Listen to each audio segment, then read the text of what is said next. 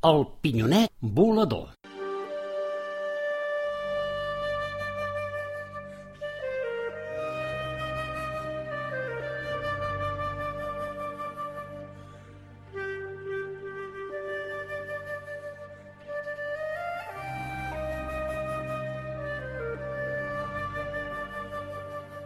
Vet aquí que, quan comença la primavera, a l'hivern li costa de plegar i per uns dies segueix fent de les seves. Tot jugant a fer la guitza, de tant en tant envia el vent del nord o vent tramuntanal, que s'escola per les muntanyes i arriba a les valls florides. Totes les plantes ja ho saben i aleshores ho aprofiten per pentinar-se. Les tiges i espigues verdes de blat es gronxen i fan onades. Els pàmpols dels ceps ho aprofiten per llevar-se la pols. Les flors obren els seus pètals i alliberen les seves llavors perquè vagin altres flors i les fecundin. Tota la natura aprofita el vent desendreçat del nord per pentinar-se i endreçar-se alhora.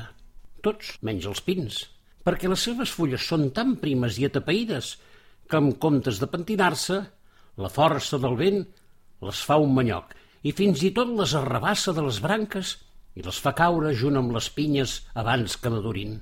Tots els pins es queixen del vent tramuntanal, però ningú no hi posa remei.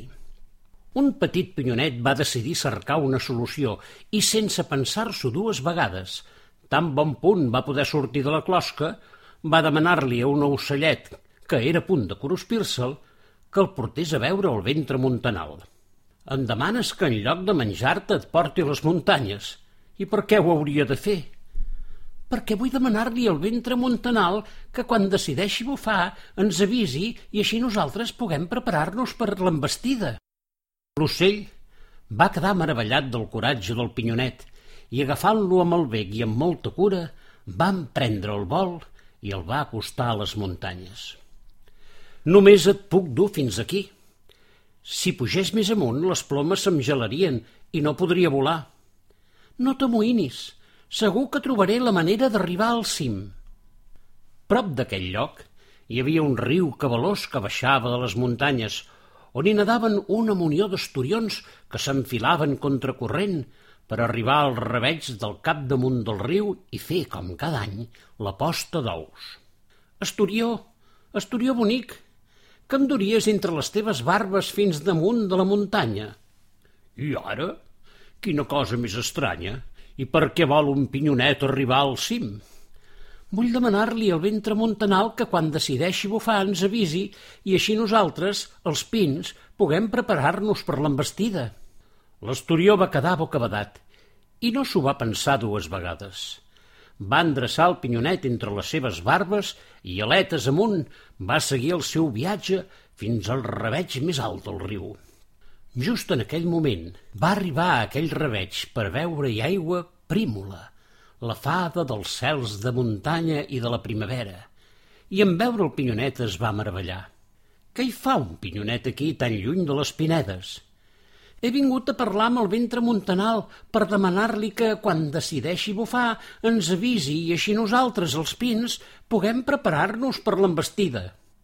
El ventre montanal és una mica desendreçat i mai se sap per on para. Et serà difícil parlar amb ell. Aleshores, què puc fer? Se m'acut que jo et podria ajudar. Què et sembla si fes un forat a la muntanya i quan el vent s'escolés pel forat fes un xiulet per avisar-vos? Ah, això estaria molt bé. Tu pots fer un forat a la muntanya? I tant que sí. Jo sóc Brímola, la fada dels cels de muntanya i de la primavera, i aquests són els meus dominis. Au, ja pots tornar a la Pineda i anunciar la bona nova.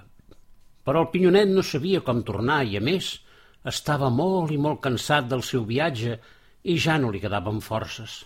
Tan cansat estava que es va quedar ben adormit. Prímola es va entendrir i va pensar que el coratge del Pinyonet bé es mereixia un premi. Aleshores va arrencar-se un bocinet molt petit d'una de les seves ales i li va posar el Pinyonet mentre dormia. L'endemà el pinyonet es va despertar amb el xiulet que feia el vent tramuntanal en passar pel forat de la muntanya que havia fet aquella mateixa nit Prímola. I tot d'una va començar a volar amb l'ajut d'aquella aleta que la fada li havia posat. Que content que estava el pinyonet amb la seva aleta. No va trigar ni un dia a arribar a la Pineda, i allí ho va explicar tot.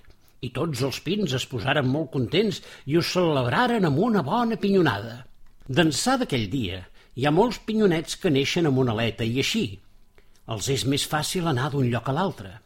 I d'ençà d'aquell dia també, quan el vent tramuntanal xiula, és que anuncia que ve amb força i cal preparar-se per la seva embestida.